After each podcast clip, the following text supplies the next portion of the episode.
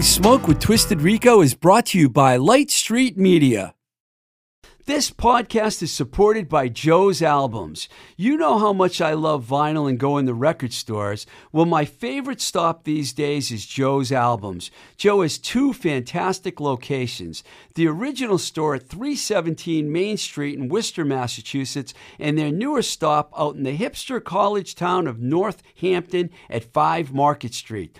Both stores have a great new releases section and a huge assortment of used records. You want to check out some cool record stores? Check out Joe's Albums in Worcester and Northampton, Massachusetts. And if you really want to geek out, go to joesalbums.com. We're also supported by Baby Loves Tacos, the fantastic Mexican style cuisine joint located at 4508 Liberty Avenue in the Bloomfield section of Pittsburgh, Pennsylvania. Check out the Baby Loves Tacos website at babylovestacospgh.com. Baby Loves Tacos, where everybody eats.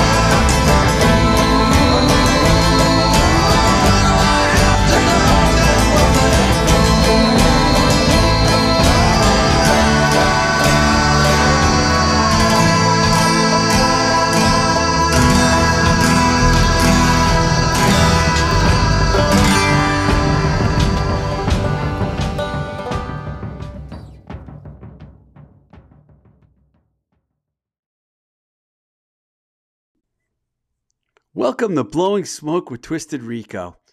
I'm your host, Steve Ricardo. You just heard Woman Like That from the brand new Robin Lane album entitled Dirt Road to Heaven. And yes, we're talking about that Robin Lane from Robin Lane and the Chartbusters. Robin Lane has had an interesting life. She grew up in Los Angeles. She had a musician songwriter for father, Ken Lane, who worked with the likes of Frank Blue Eyes Sinatra and Dean When the Moon Hits Your Eye Like a Big Pizza Pie. That's a Amore. Martin, and her mother was also a model, so she was pretty used to the whole entertainment lifestyle. She us tells us in the interview how she was often trotted out to perform in front of her parents' guests, which led to an early singing life. She got to know the Laurel Canyon crew and ended up singing background vocals on the song Round and Round, which is on Neil Young's historic 1969 album Everybody Knows This Is Nowhere. And of course, we get into that in the interview. She decided to move to the East Coast and eventually ended up in Cambridge, Massachusetts, where all good songwriters ended up. And that's when things started to happen. In 1978, she formed Robin Lane and the Chartbusters, and after a solo deal that she had fell through because the label folded, the band signed with Warner Brothers Records. This followed with a hit single and a video with the fantastic track When Things Go Wrong. However, the band didn't last much longer than a few years, but they did go on to play some memorable tours while they were together and they came back and did some reunion shows on several occasions. In fact, in 2019, they re- reunited to celebrate and release the album many years ago is actually a, a, a, collection called Many Years Ago, the complete Robin Lane and the Chartbusters collection. Um, in the interview, we also talk about former chartbuster Asa Brebner, who was much beloved in Boston and passed away recently. And finally, we get into her new album, which is called Dirt Road to Heaven, which the track you heard earlier was from, just released on Red on Red Records. I really, really, really enjoyed talking to Robin Lane. We talked about music, we talked about life, and we even talked about weed. so it's a fun time. So we're going to play it for you right now. So enjoy. Here I am talking with Robin Lane. Hi, Robin. Hello, um, Steve. Before before we talk about your fantastic new album, Dirt Road to Heaven, I was hoping we could go back in, in time for a few minutes because you've had such an interesting life. It's hard to ignore. Uh, can we start by talking about your childhood? Because I know you grew up in LA, and I know your father, Ken Lane, was a very well known musician and songwriter, and I know your mother was a model. Can you talk about what it was like growing up in a household like that? Um, um, yeah, it was very LA.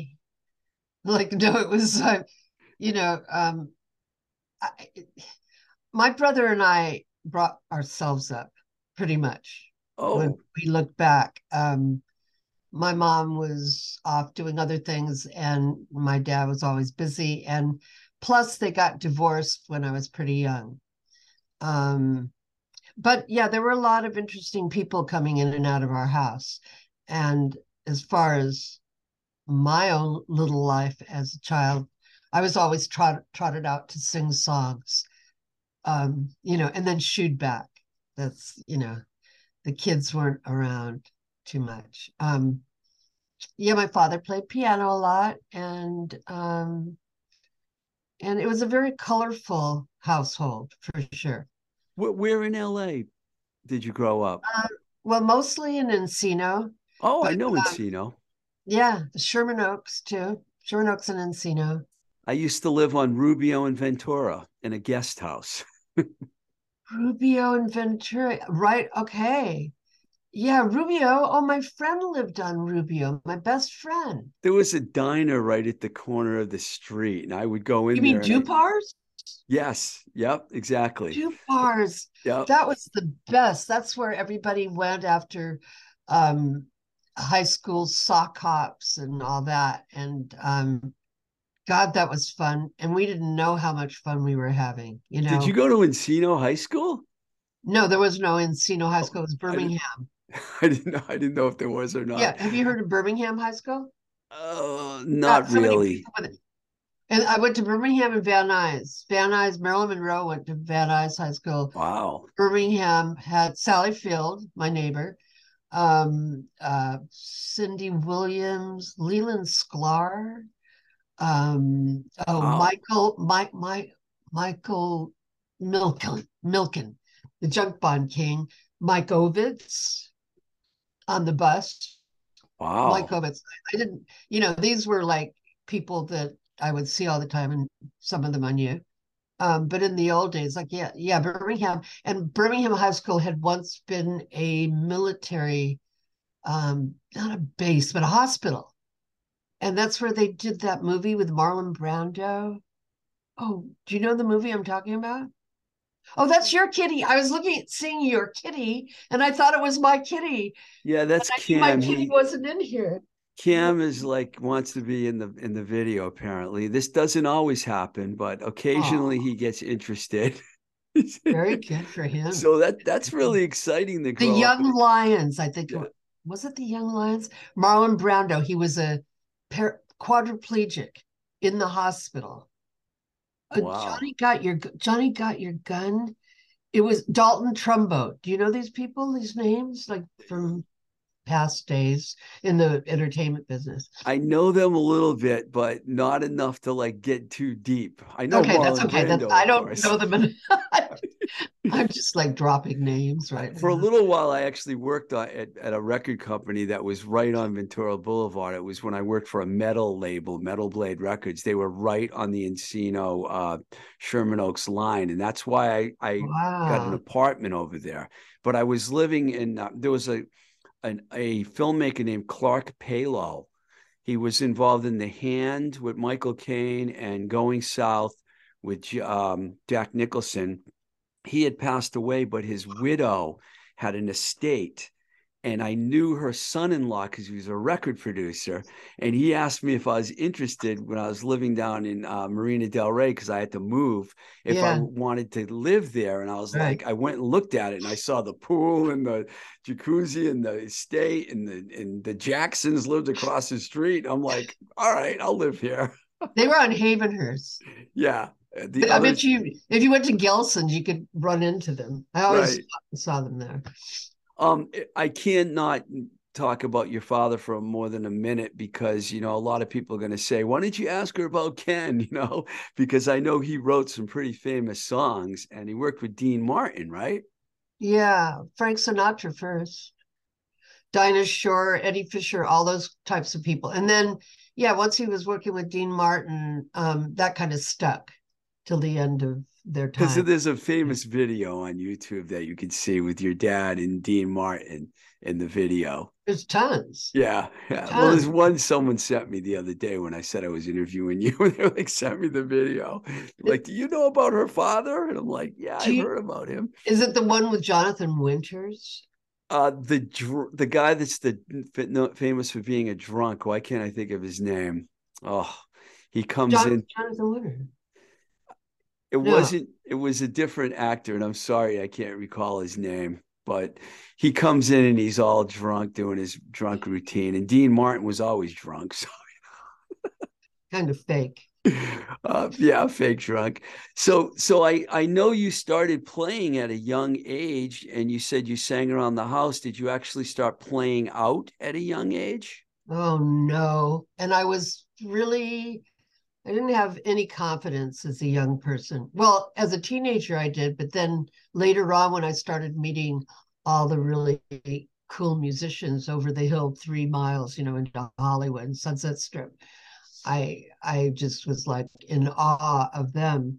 And I could barely croak out my voice, but I did. I learned a few songs and um sang them um uh no i didn't write anything and i just kind of played around the house with my brother everly brothers tunes and stuff So by the time the late '60s came around, because of course I have to ask you about the Neil Young album that you were on. Uh, Everybody knows this nowhere, which is one of the greatest albums ever, in my opinion. Uh, were you already on the scene? How did you hook up with Neil to play on his record? Oh, god you should read my book. Of course, it's, only partially been written. And now I tell it when I go out and perform. I just tell stories. But I um at one point became friends with this well my friends and i used to go over the hill and crash all the parties you know in the hollywood area and one time we went to this party and there was this guy named danny whitten it was his house and he was a shindig dancer shindig the show he was an actual dancer on that Wow. show and he was really nice and i smoked my first joint there paralyzed with fear for about an hour but that didn't stop me smoking it. Anyway then later on about a year later he invited me over to a house he lived in on laurel canyon um, and he was in a band then called the rockets. And it was billy talbot and ralph molina and danny and they all Seahorse. Yeah. well, they were rockets at the time, you know, and they played this music. Uh, it was this house that was about to fall off the, the cliff, you know, it was like a really old house. And everybody slept there um, on the floor, on mattresses, or in the bathtub.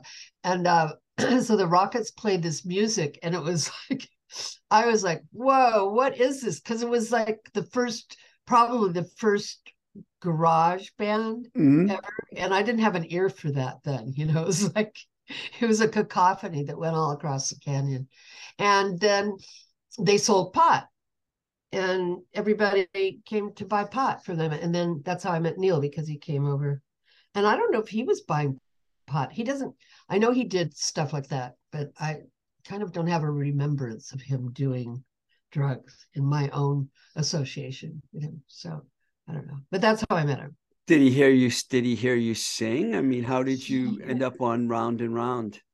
Okay, so um, he came in with this really cute girl named Autumn, and she was a dancer. And I had learned one of Danny's songs, and "In My Time of Dying" by Bob Dylan. Do you know that song? I Yeah. need to learn that song again. It was really cool, and I could play it. So I'm sorry for my. I've been kind of sniffling. Um, I was playing that song, and um, you know, at that point, I guess like girls with guitars weren't that available. It was mostly guys and girls sitting around watching them. And um, so, right in the middle of everything and in front of his date, he said, Want to go for a ride in my hearse? so I did. I went, "Uh, Okay. I went for a ride in his hearse, and then we got to be friends. And and we and then he taught me that song, and I sang it. And I won't go into more than that. That's cool. That's good. Yeah. Uh, well, there's a lot to talk about. In the 70s, you moved to the East Coast and you eventually ended up in Cambridge. I mean, that would probably was a golden time to to get there. What made you move to the East Coast? Um, I never felt I belonged in LA. Well, after the whole Laurel Canyon experience, and I was couldn't really fit in. I was just like, I don't know what was wrong with me, like ding ding ding ding ding. But um, because there were people there that were cool. But I I don't know. Anyway, I moved to the East Coast because I'd met some musicians from, from the East Coast, and I felt like the what I pictured to be the green ocean of the Atlantic was more to my speed um, than the California. Everything is mellow, man. I just never got that, and people. I would always drive people crazy because I'd say like, like everybody's not a beautiful person. Like, what do you mean get mellow? Like, I, I was just like in a way out of my element. Although I tried to fit in desperately, but um, so in the on the East Coast, though, there was room to grow. You didn't have to be a somebody already. You didn't Right. have to hop out of bed and be a somebody or be wicked talented. And you know, in the area of New England and Cambridge, you could just go play and be bad, and that was okay and develop. And I, I thought it suited me very well. So I liked being here. But then, you know, I'm Cambridge is one thing. In those days, it's all different now. Mhm. There was Cambridge and then there was Boston. And never the twain shall meet. You know, like when I started, like I went over to the I was I went to see Cheap Trick like for three nights in a row, and I met all these people that like the real kids and people that hung out at the Rat, and they brought me over there, and it was like, and I'm like thinking, and Asa later drew cartoons with this, like, hey man, this scene is really cool, you know, and I had like my hippie, you know, whatever garb on, and then so I completely took all my songs, my singer songwriting type songs, and made them different. And I started this band. Um, and you know, I had a record deal at the time too from Private Stock. Was Records. was the Chartbusters the first band that you started? Well, no, I had I had a little, you know, Robin and the whatever, you know, little bands, little guy, not little guys, guys that played on my songs. You know, I'd yeah, I'd have people playing with me. But um, so I learned how to be in a band, but I, I still had my, I was kind of the singer songwriter. I still played in my tunings and all that. And then when I went over the, the Charles River to into Boston and started hanging out the Rat, and I met Asa and Leroy Radcliffe from um, um, Modern Lovers and Scott Baerenwald, Tim Jackson. Um, I went, oh, this, I got to do this kind of music this I've got to make this is more potent and saying stuff and everybody's angry and I think I can fit in here. You know, so I and I had a record deal with Private Stock, which I was signed to my little my sweet songs, you know, sweeter songs. And um then uh so I I would I was at the Rat and I met these guys I saw them playing with Mickey Clean, Asa, Brother, Oh yeah. Leroy, and um, I said, "Oh, do you want to you want to start a band with me? I have a record deal." You know, like just what an idiot.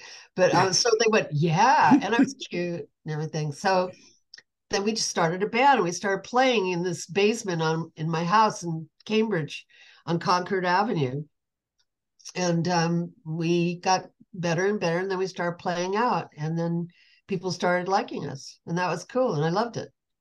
And that's when you changed it. I mean, I know you that deal fell through because the label the deal fell through exactly. Mm-hmm. Well they went billy they just they stopped being a record company.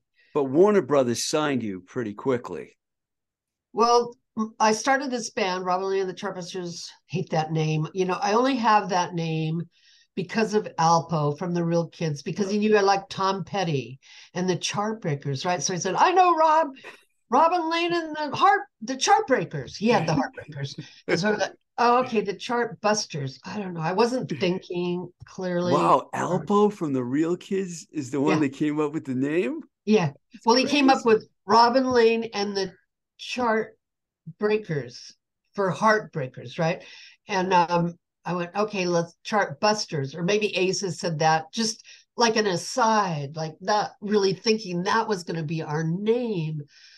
And so people would laugh at our name, you know, it's ridiculous. But um, anyway, so we went out and started, re- well, we started rehearsing in 79, the end of 79 and we played our first shows sorry 78 and then we started playing our first shows in 79 and then we got signed somewhere at the end of the summer of 79 and started making our album out in la the end of 79 and um, then it came out in 1980 And uh, when things go wrong, ended up becoming a pretty big hit for you at that time. I know that i don't know if you go like- if, if you go on Wikipedia, it says that it was the eleventh song played in the Well, beginning of MTV. okay and that's true so yeah that was very cool Yeah, but when things go wrong, it stood the the the, the it it still sounds great if you hear it now. I mean, it's like it sounds as amazing now as it did back then because that song Oh. has never gone away for me. no I mean, I- I Yeah. keep hearing it. You know, it's Yeah. like um the band. Go ahead. I'm sorry. No, I mean I didn't get it at the time. Like um we uh, my manager put together a single of when things go wrong, why do you tell lies? And my song, the letter. Um and and then Oedipus and people at BCN, other people started playing it and they started playing when things go wrong. They liked that one. I didn't even know why, but anyway, that one. And then um, that little single with the three songs on it and are playing live got us signed to Warner Brothers. And then, yeah, and then so that was right at the beginning of when they were making videos. And Yeah. they, these two guys, I think they'd been actors on Love Boat. And they they made a really good video for the Pretenders, Brass in Pocket, which was cool. And but then ours, because we're in Boston, they wanted to have it be in this other time and have the Constitution in it, you know, and um, and so we went along with it. But then we saw the video and we were like, oh, geez, we're not cool. But you know, whatever. It probably seemed like a long time then when you were together, but technically at that time the band wasn't really together for that long. Was it Oh like no, we weren't together long at all. right? So it was that was pretty amazing. We we played we we became pretty big in boston um or new england even. And then all of a sudden we were making an album in la with um people that really didn't get our kind of music i think so much. Why do you think the band didn't last very long? well okay. In my opinion well it's not just my opinion. I got pregnant. That's a good reason, probably, right? it wasn't my i mean i was going. I didn't that was not going to stop me. I you know but i felt like i I don't, I don't want to get into personal things. But anyway um i was going to have this baby and i was still going to do my music as far as i knew and was concerned. But um that kind of stopped everything in its tracks and Hmm. um at that time it doesn't anymore no, but you couldn't be rock persona with a pregnant belly, I suppose, in those days, and then carrying a baby. What the heck? Um, so I would hear these things from my publisher and different people. Oh, once a woman's had a baby in this business, she's done for. She's over. Oh. You know, I'd hear that like, and they'd walk away from me, and and people wouldn't even talk to me anymore. They thought I was giving up my career and, and i did you know that did kind of um stop the phone from ringing and um me continuing on a label getting out there and i was writing songs all the time i still had a million songs which i still do have those songs that never got released you know and um so i don't know that and also because it was really they probably thought I I wasn't um, doing everything they wanted me to do, the record companies and all that, because you know, and it's my name. So every day when we were out on the road, I had to be doing interviews and all this stuff, and it was exhausting. It was exhausting being on the road, which thankfully we were, but we were. Um, they had us on this tour where if you had a day off, you drove like from Michigan to Florida. you know, so it was like kind of grueling. And and if the other guys was had been a band name, then maybe they would have been being interviewed too. But it was mostly me, and I had I really didn't have anything to say in those days. I have a lot to say now. Did you when you went on the road? Did you do club tours? Or yeah, did you? clubs and we played. Go ahead. I was going to say, were there notable tours that you did, or was it mostly just club tours? Oh no, clubs and tours. I mean, we played with um Split Enz a lot. Oh, really? The Yeah, Finn Brothers. We Wow. loved them.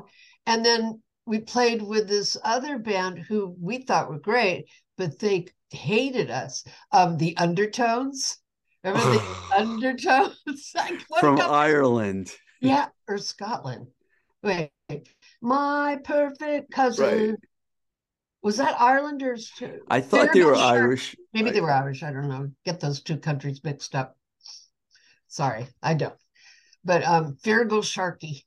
And um uh yeah, so their crowd, we would play big places like the Fillmore West or something like that. Big big auditoriums. Why do you think they didn't like you? Because well, here's so within San Francisco, we're playing on oh, one thing we stopped in Louisville and we went to this place where Elvis had given out Cadillacs and um, they had clothes there and they had this really these really cute gold lame dresses short and like with the chains in the middle. And um, so I got a dress like you know I put on my dress my little gold lame dress with my red boots. And we came out and we were doing our songs. And their crowd was just not you know gold this me and doing our kind of songs. And they were like they were screaming at us pop stars pop stars get off the stage you know.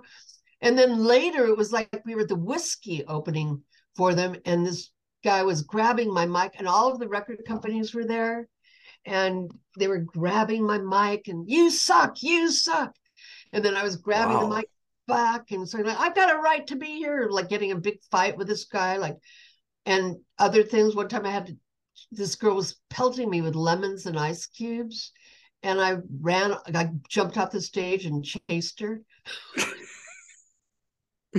not So- that's kind of i don't know You had to So deal with a some- punk rock crowd. You dealt I with a punk rock crowd, basically. really really really they were spitting on us and everything and um as much as i kind of wanted to be part of that scene um i like when my manager says like give me a break she wasn't a punk you know i came from like this kind of folky background and and it was always in my songs like that bird element you know the birds Right. guitars and it was just not really punk and nor anything and i hate labels anyway so I'm surprised that they put you out with the undertones. That seems like an odd pairing. okay so the the um the agency that we were with was fbi agency with Yeah, yeah. ian copeland's Yes. i adored and john huey and they ran that. And so i mean in my mind they could do no wrong but that was probably a mistake. Yeah. But that's who they handled them besides the police. And then you know so we just we got paired with those people. But Split Enz was good that was a good pairing New Ze- New Zealand? Are they from New Zealand? Zealand. Yeah. Yeah, they had a couple of they they did they had a little good run going there for a while. They were more awesome. more up more your speed, I would say, in terms oh they were fantastic god yeah while all this was going on, was your popularity really huge in the New England, Boston area? i would say so yes definitely definitely definitely um and even some other parts of the country too where we could draw people in. Um but i think all of those things you know me jumping off the stage whatever you suck you suck and stuff and then me getting pregnant and also being kind of disinclined to do all of the interviews. I would do them but i just was like you know it was too much. I kind of was a little bit falling apart but so were other people. But if you had the sales then it would have been okay but we weren't selling enough albums for me to um continue as well so there's that that's a big part too And then you know you t- after you took a little, I don't think you took a very long break because you started releasing some solo records and doing some solo stuff years after that, right? i didn't take any break to tell you no the truth. break. I didn't take a break.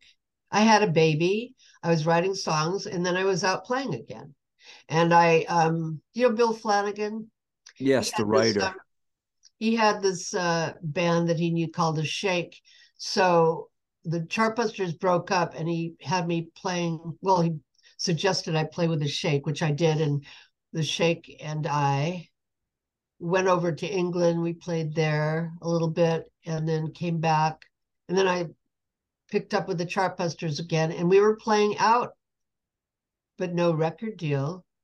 But we had all these new songs. There's a whole there's a whole era with the Shake. There were all these songs with them. Then there's a whole bunch of songs with the Chartbusters, kind of leading into.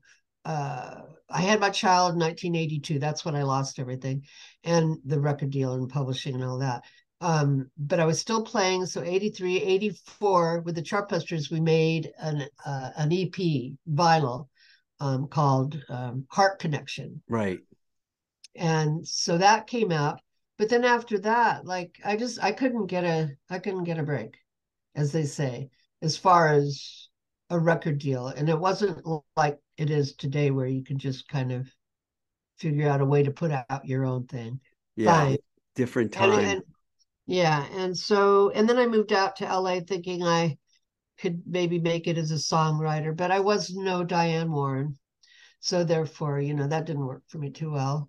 Came back. you I- did have a song that you wrote that Susanna Hoffs recorded, right? Or was it the that. Bangles? Or True that.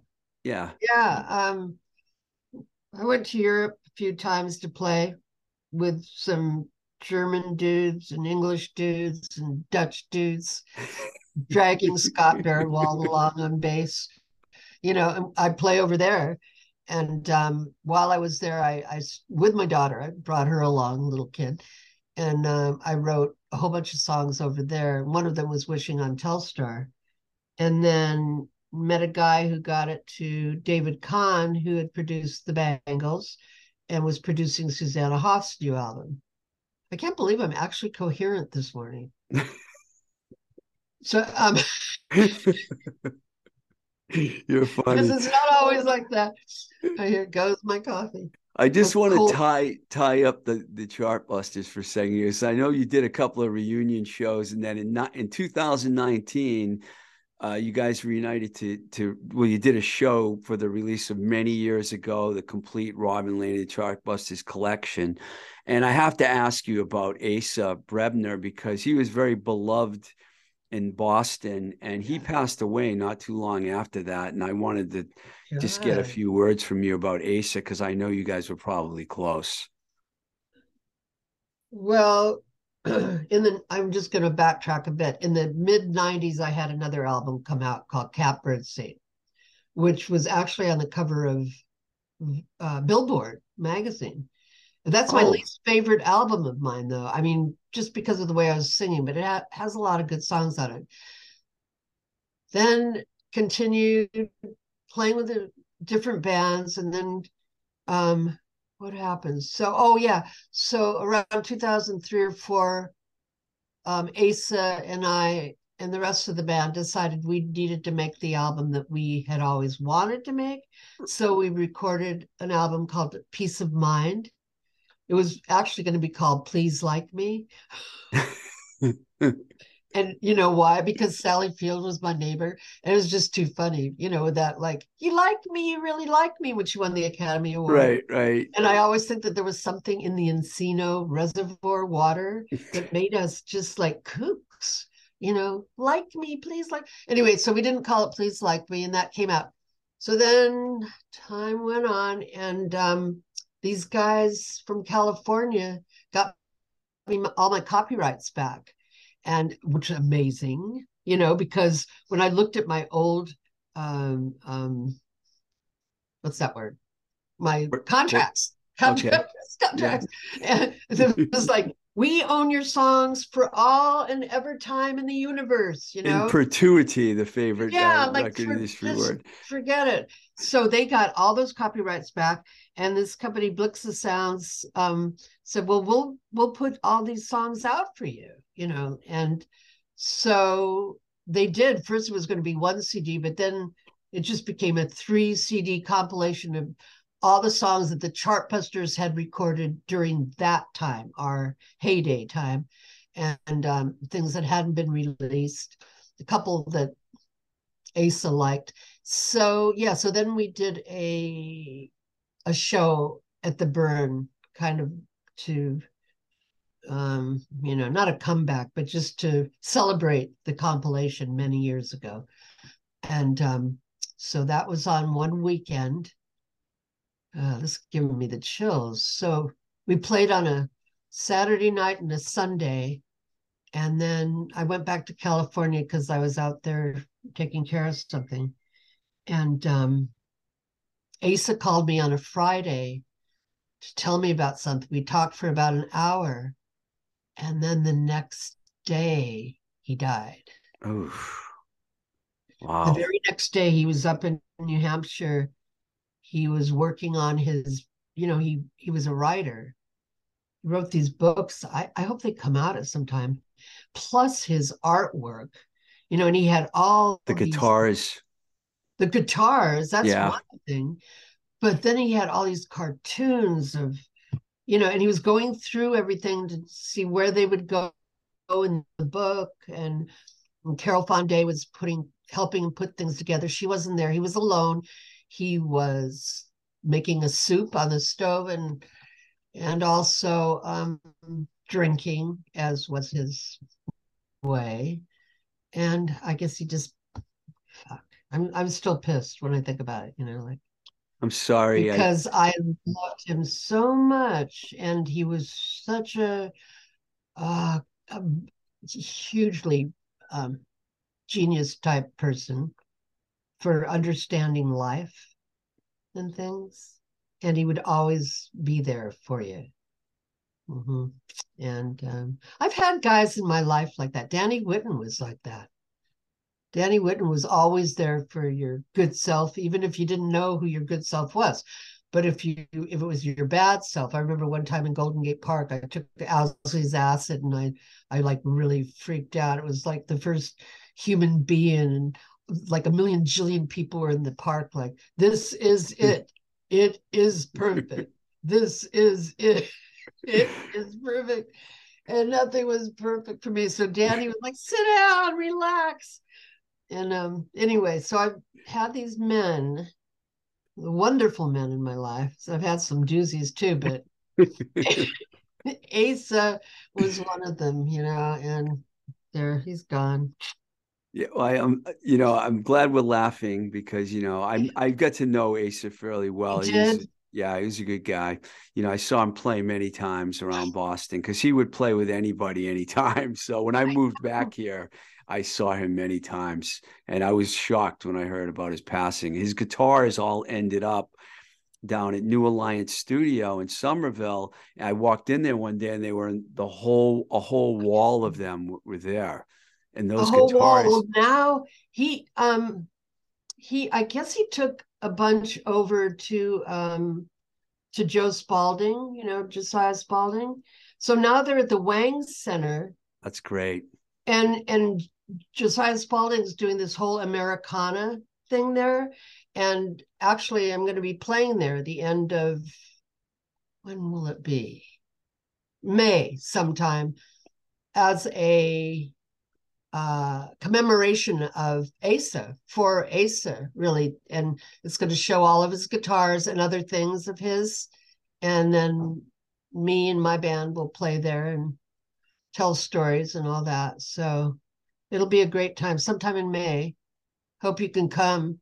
It's an invitation only kind of thing, but but we'll make sure you're invited, Steve, since you I'll talk to Justine Kovalt. well, she gotta be in on it, don't she? um, let's talk about um, Dirt Road to Heaven. Okay. Beautiful album. I've spent a Thank lot of time with it in the last week since I got it. And uh, Justine signed you to Red on Red. Can you talk about the writing and the recording process behind this record? Why? No, I mean, what do you what do you I mean, why are you asking? I, I'm really curious. What do you think? What do you Well, I want, I want to. Well, I, okay, I'll just cut right to the chase. The Yeah. song "Woman Like That." I, I, I mean, when I heard that, I listened to it like three times in a row, and I'm like, I gotta know, about, I gotta know about this song. I mean, this song just like knocked me in the side of the face because it's not exactly what I would call a happy song. So I was trying to figure out what the song was about, but I, you know, when I when I meant about the re, the writing, I mean, are these older songs, newer songs. I And thought you were talking about the actual recording of it. Oh, too. then we can talk, you know, we could talk about the recording, but I'm talking mostly about, you know, w- where the songs came from and how you got to the point to you recorded them. And I just had to throw the woman like that Well, thing yeah. out there. Um, so I have this friend named John Pfister, and he lives in Marblehead, and he has a recording studio. And we kind of hooked up. Um, and he said, "Well, why don't why don't we just start making an album with you?" And this was back, way back, like in 2012 or 13. And oh, so I pulled out songs. I don't even know if some of the songs we first started recording are on that album. Oh, and Tim Jackson was making the movie about me. Do you know about that? yes. when things go wrong. Yes, yes. Lane's story. Um, he we went there with um, different women, Linda Vians, Emily Grogan, um, Marnie Hall, and recorded some songs there for the movies. So he was filming it at the same time, and I think that's when I got to get when I got more together with John as far as recording things. So a lot of what we were, we were recording at the beginning were songs that might not even be on this album. I can't. I I'd have to really be thinking about that. But it, but as time went on, now I'm out in Western Massachusetts and he's in Marblehead. The studio's in Marblehead. It's called Ringo Studio. And so I would have to drive there to record. And that's what I do. But it took a long time, you know, because I was doing other things. Um, so I'd be there and we, we would be recording these songs. So women, women like that, that was written a while ago. Um, but I kind of don't want to talk about that because what if that person heard?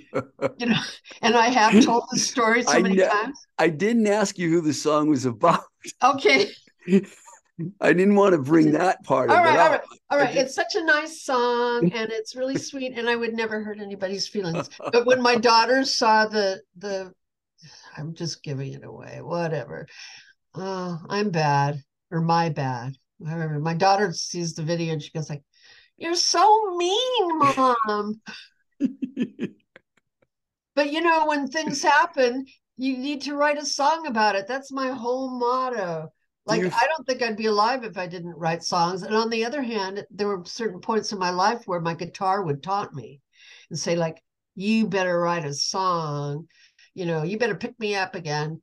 Um, but and so I did, you know, but I, I really think music is just beyond healing. And if you write your own song, your own own story or something that's going on in your life it's um it's cathartic. Gets it out.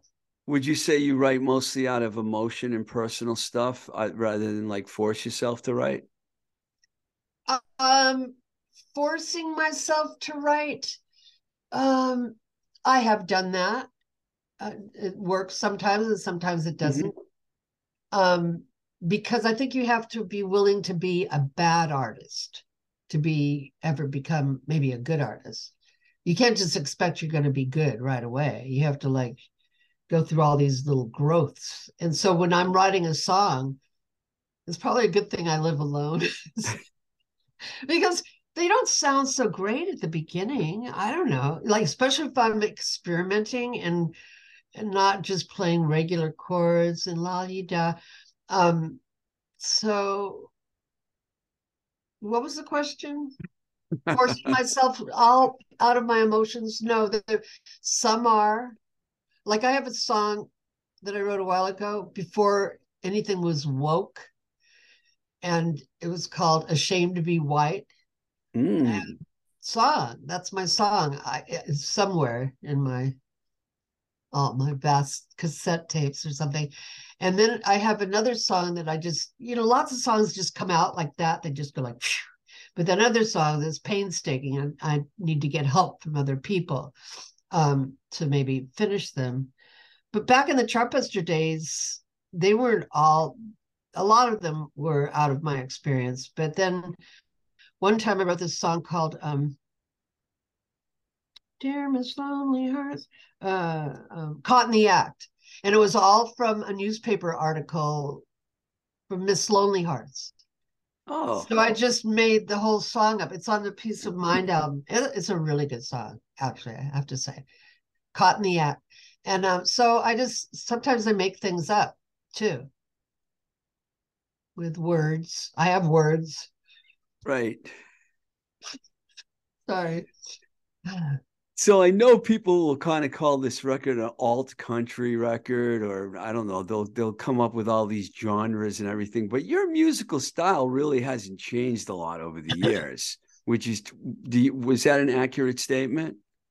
it's just it is in the words of another person the same person has words it is what it is like there are you know songs i've written all I, I should send you my instant album which i released by myself during covid because i had nothing to do I'd love to sitting hear it.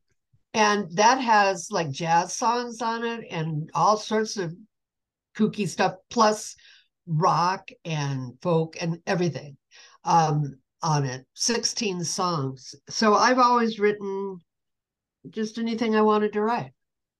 Was But- there During the Chartbusters, I must say, I put aside everything else and I just concentrated on that kind of writing. I became less of a guitar player. I was just playing chords on top.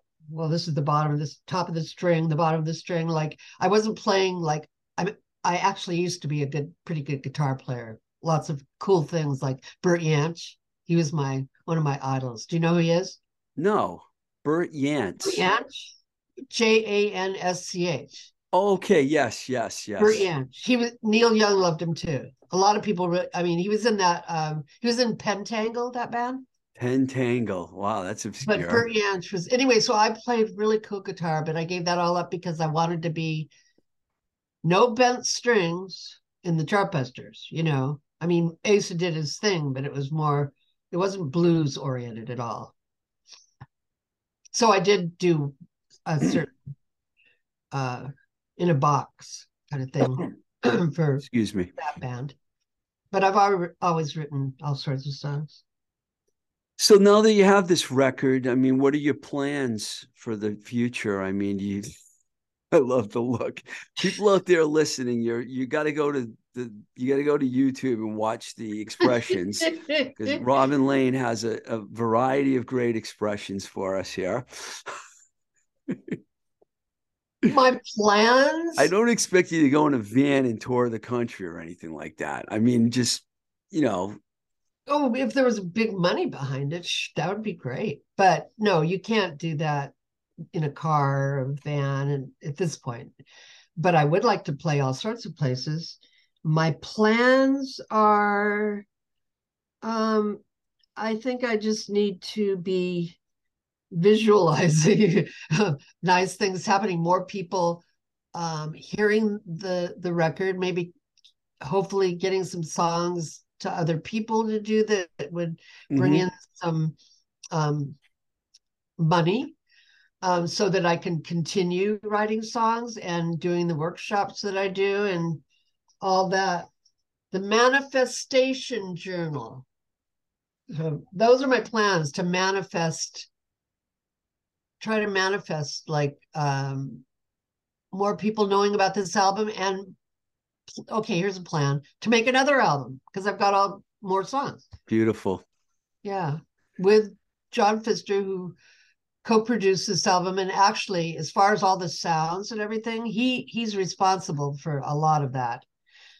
I mean, all of it really, because I would do, you know, some people in the studio, you do a guitar part or two, and then that gets on the the song when you're mixing it.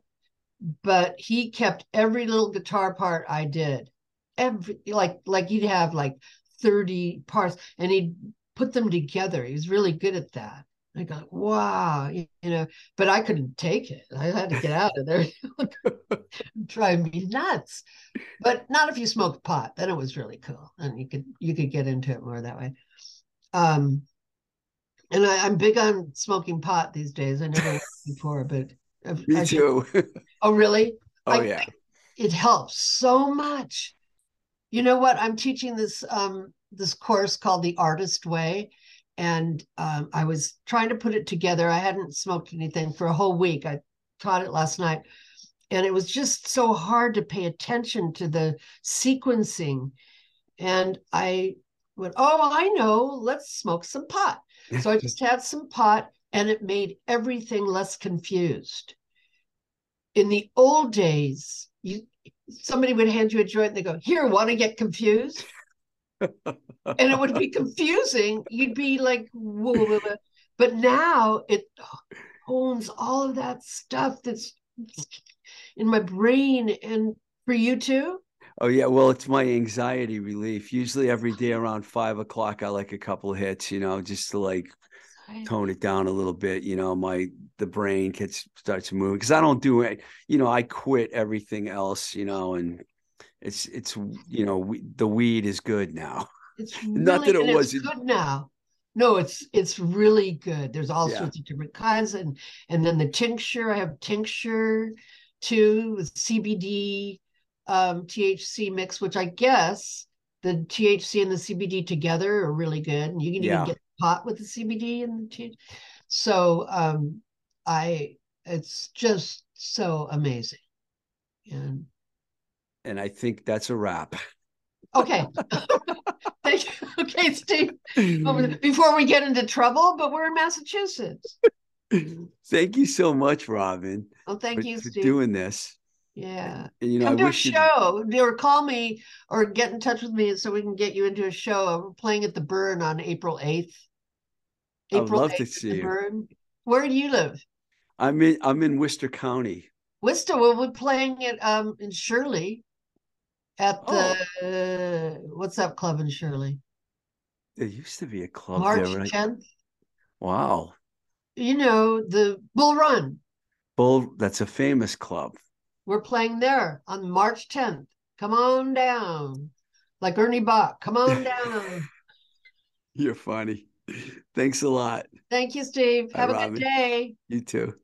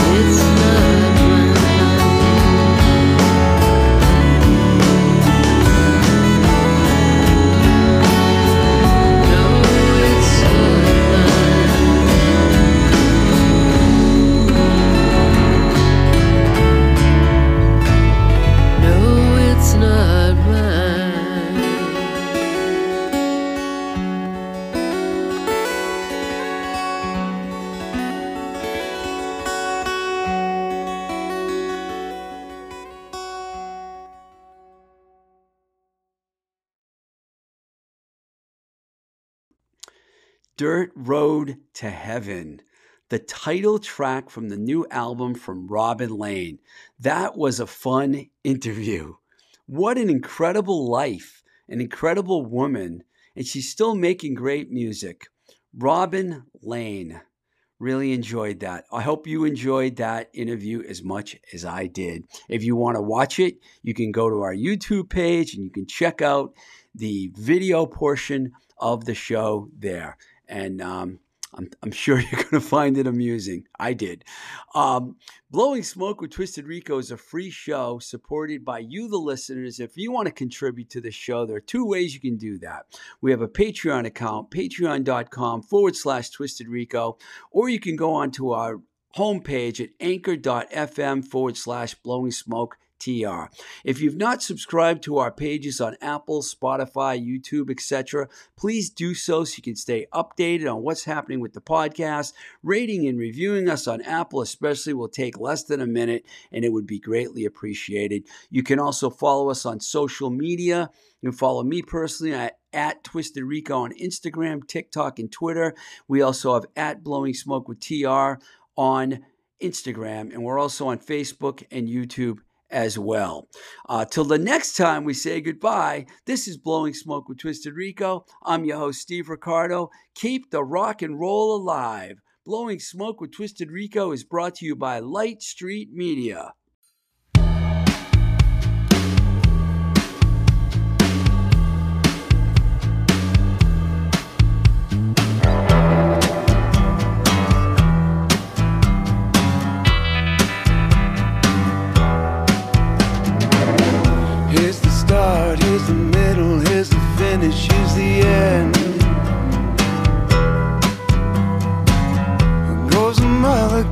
Father, goes the wife, stays the friend. Got a bunch of cigarette burns in the back of my head. Bunch of cigarette burns in the words I've said. If I die tonight, hold the hand inside and know that I was never meant for no more.